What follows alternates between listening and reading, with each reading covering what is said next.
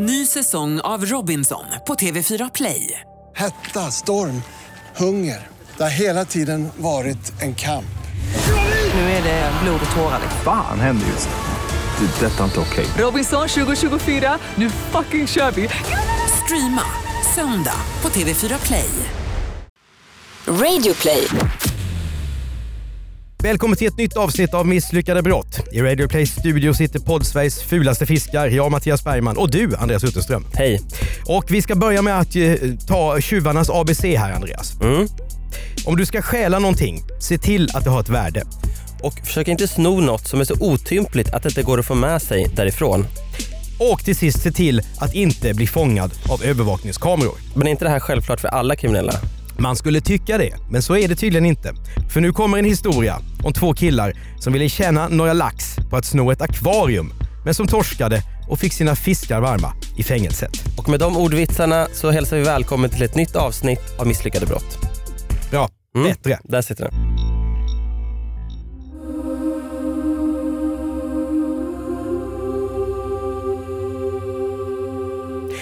Lucia är en av våra käraste traditioner, vid sidan om högtider som kyndelsmäss, annandag pingst och Black Friday. Det är som att svenskarna blir lite varma i hjärtat bara de hör ordet Lucia. Den 13 december har svenskarna genom åren gäspat sig igenom morgonsamlingar med tondöva förskolebarn där alla som vill får ha Lucia-krona. Suckat över att snygga Maria i 8C som vanligt får alla rösterna. Frusit sönder skinkorna på en träbänk drickande franskt lantvin langat av en A-lagare. Och inte minst somnat till rockgalor som tv-sänds från någon jättearena i Düsseldorf. Men på Råda torg i Mölnlycke sker den 13 december 2007 ett mycket annorlunda Lucia-firande. I den här gamla industristaden, som ligger någon mil sydost om Göteborg, bor det 17 000 personer som jobbar i företag som har kontor i de gamla fina fabrikslokalerna eller snabbt tar sig med bussen in till stan. Bland Mölnlyckes stoltheter märks Ingvar Oldsberg och Ralf Gyllenhammar. Här hejar man på Pixbo och kan ha turen att bli Lucia på Hulebäcksgymnasiet om man pluggar där. Råda torg är en liten öppen plats med nästan nybyggda hus som fungerar som kärnan i Mölnlycke. Här ligger kommunhus, Espresso House, en frisör och Svensk Fastighetsförmedling. Finns det en enda stad i Sverige som inte har ett espresso house?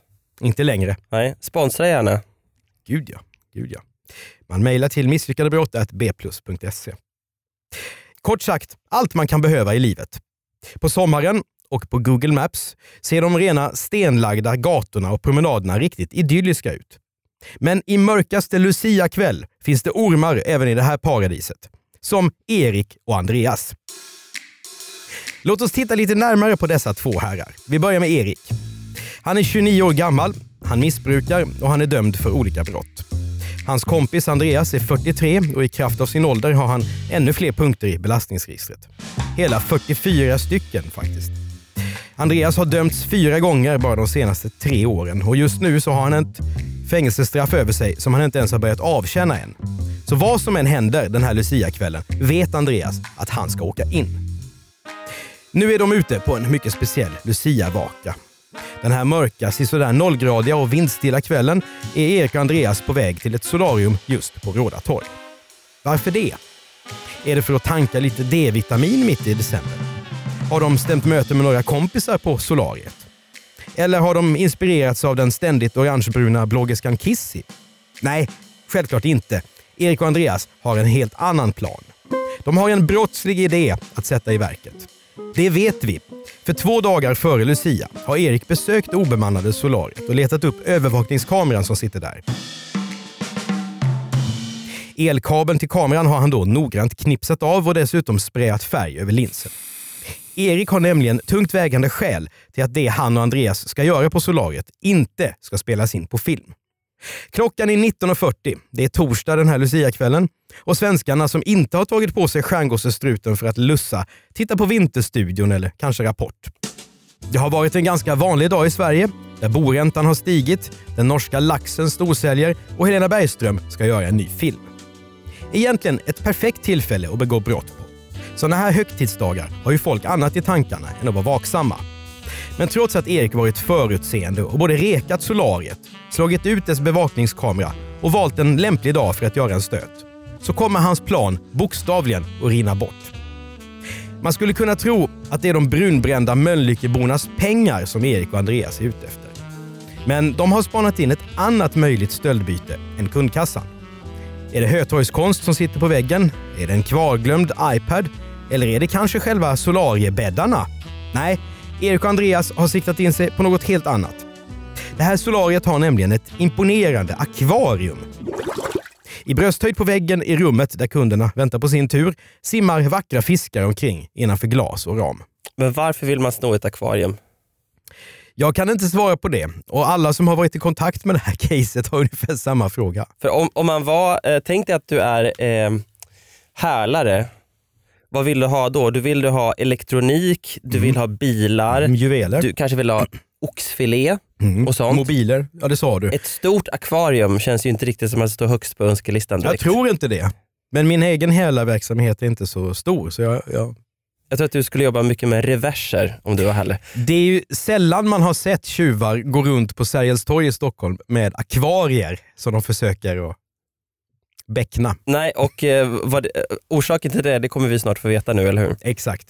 Nu älgar Erik och Andreas in i solariet i kvällsmörkret.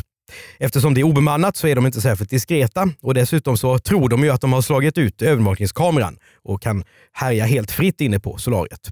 Men vad Erik faktiskt har missat är att det finns två övervakningskameror på det här solariet. Så nu filmas allt som han och Andreas håller på med. Det blir en kort men dramatisk film som så småningom ska ses av både polisens utredare, åklagaren, försvararna, nämndemännen och domaren och antagligen får flera av dem att skratta gott. För polisen lämnar ut filmen till TV3-programmet Efterlyst för att se om någon känner igen de sjabblande akvarieskurkarna. Sex veckor efter den misslyckade stölden blir Erik och Andreas tv-kändisar. Nästa fall är faktiskt lite roligt. Dels därför att inbrottstjuvarna försöker stjäla något så otympligt och meningslöst som ett akvarium. Och dels för att de är så klantiga. De tar god tid på sig för att klippa alla kablar till solariets övervakningskameror. Men de missar en kamera som registrerar allt de gör.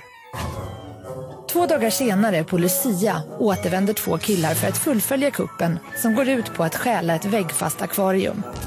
Men akvariet sitter stadigt monterat och lossnar inte frivilligt. Och trots att den ena killen använder sin maxstyrka får han ingen hjälp av sin kompanjon. Det, det roliga är att han inte hjälper till, han bara sitter där. Ja, han har ju rollen då han ska hålla vakt. Andreas sätter sig vid ett bord bredvid det massiva väggfasta akvariet. Där ligger en tidning, men istället för att läsa håller han utkik så att ingen förlupen Lucia eller något annat skarpsynt vittne ska se vad Erik håller på med. För nu skrider han nämligen till verket. Han har nämligen tänkt att han ska montera ner akvariet från väggen och stjäla det. Men det här är mycket svårare än vad killarna har trott.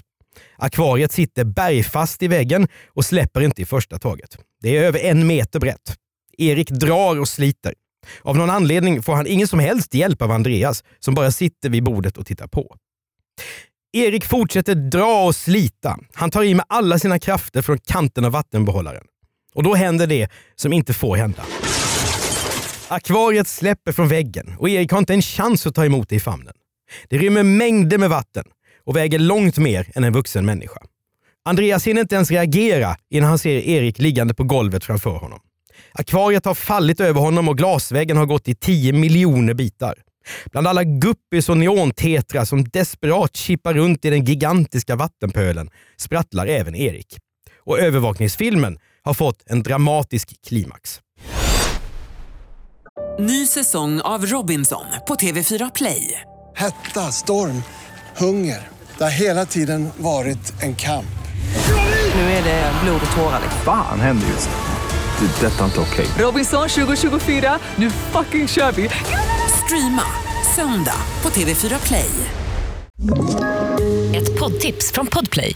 I podden Något Kaiko garanterar östgötarna Brutti och jag, Davva, dig en stor dos skratt. Där följer jag pladask för köttätandet igen. Man är lite som en jävla vampyr. Man har fått lite blodsmak och då måste man ha mer. Udda spaningar, fängslande anekdoter och en och annan arg rant.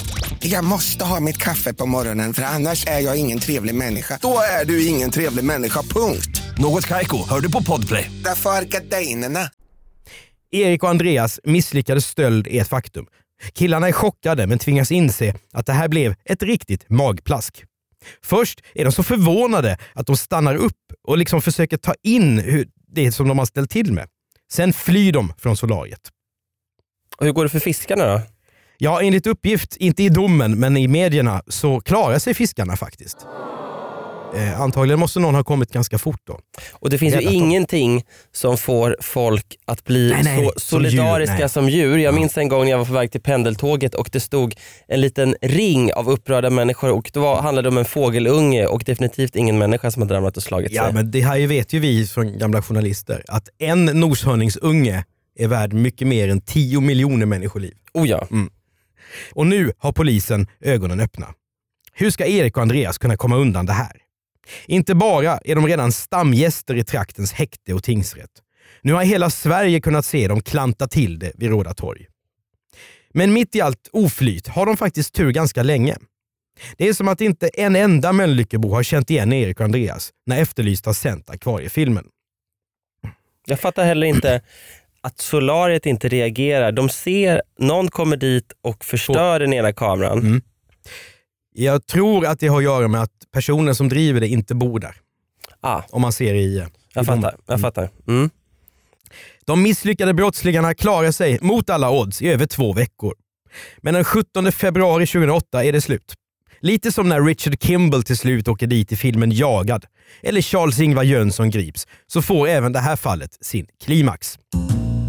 När Andreas och Erik kör Andreas bil genom Partille, en halv mil från solariet i Mölnlycke, så blir de stoppade av polisen.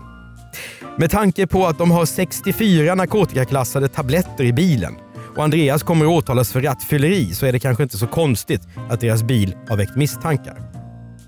Nu blir polisen snart varse att det här inte bara är två vanliga återfallsförbrytare som de kan sätta dit för narkotikabrott, för att en av dem har pistol utan licens, för att de gjort sig skyldiga till stöld på gymnasieskolan och för olovlig körning. Detta är dessutom de två akvarieklantar som satt solariet i Mölnlycke på kartan i Efterlyst. Ett gäng olika åtalspunkter mot Erik och Andreas samlas nu ihop i Mölndals tingsrätt. Vad kallas det då när man försöker knipa ett akvarium men får det över sig och springer därifrån i panik? Ja, en jurist skulle säga försök till stöld. Den är inte sexig den rubriceringen. Erik erkänner utan omsvep. Övervakningsfilmen går ju inte att snacka sig ur helt enkelt. Men Andreas, som är lite äldre och mer durkdriven, han har en annan strategi. Han medger att jo, visst är det honom som man ser på filmen. Men han har ingenting med akvariekuppen att göra. Han sitter ju bara vid ett bord vid sidan och tittar på. Han var bara inne på solariet för att ja, sola som vilken kund som helst, säger han. Tänk om det hade varit sant. Att man sitter där och väntar. Det kommer in en man mindre än en meter ifrån en. Och börjar dra oss lite i akvariet. Ja. Ja. det skulle man i och för sig tro att det var en byggarbetare. Eller alltså någon som hade något ärende menar jag. Kanske inte 19.40 på Lucia-kvällen. Nej, och kanske inte så som jag misstänker att en sån här härjad person ser ut heller. Nej, just det. Men Andreas förklaring får inget fäste i Mölndals tingsrätt. Rättens ledamöter ser ju med egna ögon hur Erik och Andreas går tillsammans in i solariet.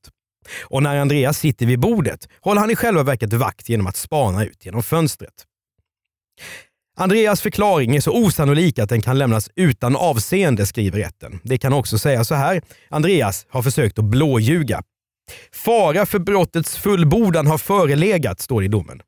Eller med andra ord, om Erik och Andreas inte hade varit såna flarn utan förstått att ett akvarium väger för mycket för att kunna lyftas ner av en person för hand från en vägg, så kunde stölden kanske ha gått vägen. Nu blev det alltså inte så. Erik döms till åtta månaders fängelse och Andreas till tre, som påbackning på det straff som han inte ens har hunnit sitta av än.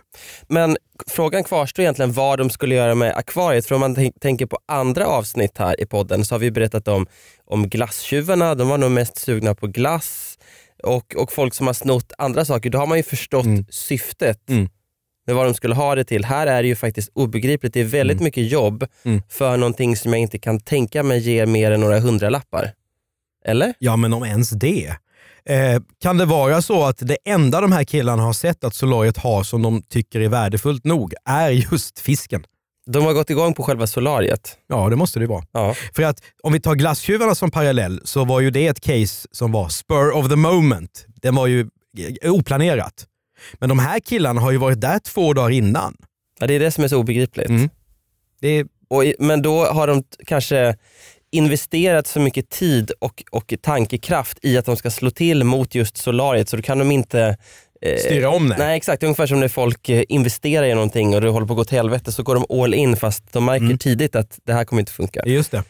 Kan det vara så att Erik och Andreas har läst en bok om att fiskar kan vara värda väldigt mycket pengar? För det kan de ju. Mycket möjligt, men jag betvivlar ju att det fanns eh, några ovanliga, väldigt exklusiva eh, fiskar i det här solarieakvariet. Det, vet fram- man ju inte. Men Nej, det framgår inte av materialet, men man får väl utgå från att det var ganska Svenssonfisk kanske. Antagligen. Ja. Vi vet inte vilken anstalt Erik och Andreas har avtjänat sina straff på, men det finns faktiskt en som kanske skulle passa dem lite extra bra. Nämligen Andreas, En anstalt på Ekerö utanför Stockholm där, man, där de eh, kriminella får ta hand om eh, kossor. verkligen. Eller möjligen akvariefiskar. Det vet vi inte. Du har hört ett avsnitt av Misslyckade brott med mig Andreas Utterström och Mattias Bergman. Exekutiv producent är Jonas Lindskov. När vi inte gör den här podden så kallar vi oss för commercial content och det kan du läsa mer om på commercialcontent.se. Och så ska vi berätta att den 11 april så är det en ny tjej i stan. Nämligen podden Misslyckade affärer, Andreas. Just det, en, en annan, en systerpodd kan man säga som kommer finnas i den här eh, feeden. Misslyckade brott eh, kommer ta en paus på obestämd tid, men vi ska istället berätta om affärer som har gått på skogen på samma sätt som det här brottet du nyss har hört om i det här avsnittet. Alltså uppfinningar och businessidéer som inte flög. Människor som har gått och skrikit att det här kommer förändra världen och sen blev det i princip motsatsen. Om man vill lyssna på den här podden så gör man ingenting mer än att fortsätta prenumerera på Misslyckade brott. Exakt så. Man kommer känna igen eh, upplägget, man kommer känna igen eh, tonträffen, men det kommer handla om business istället för brott och ibland kanske de två möts därför att ibland blir det ju brott av business. Så här låter det till exempel i första avsnittet av Misslyckade affärer. Det handlar om Itera-cykeln. Och cykelexperten Anders Näslund, han intervjuas i GP flera år senare och han säger så här om Itera. Om man behövde byta däck fick man problem. Hjuldiametern var för stor. Hjuldiametern var för stor för att passa några andra däck. Sen var det problemet med pedalerna. Allt. Det finns ingenting. Den svälter, det går inte att byta däcken. Man, man måste ju använda de egna däcken. Alltså. Prenumerera gärna på den här podden och betygsätt den i iTunes så är det fler som hittar till den. Om du vill tipsa om misslyckade brott eller misslyckade affärer så kan du mejla till misslyckade bplus.se.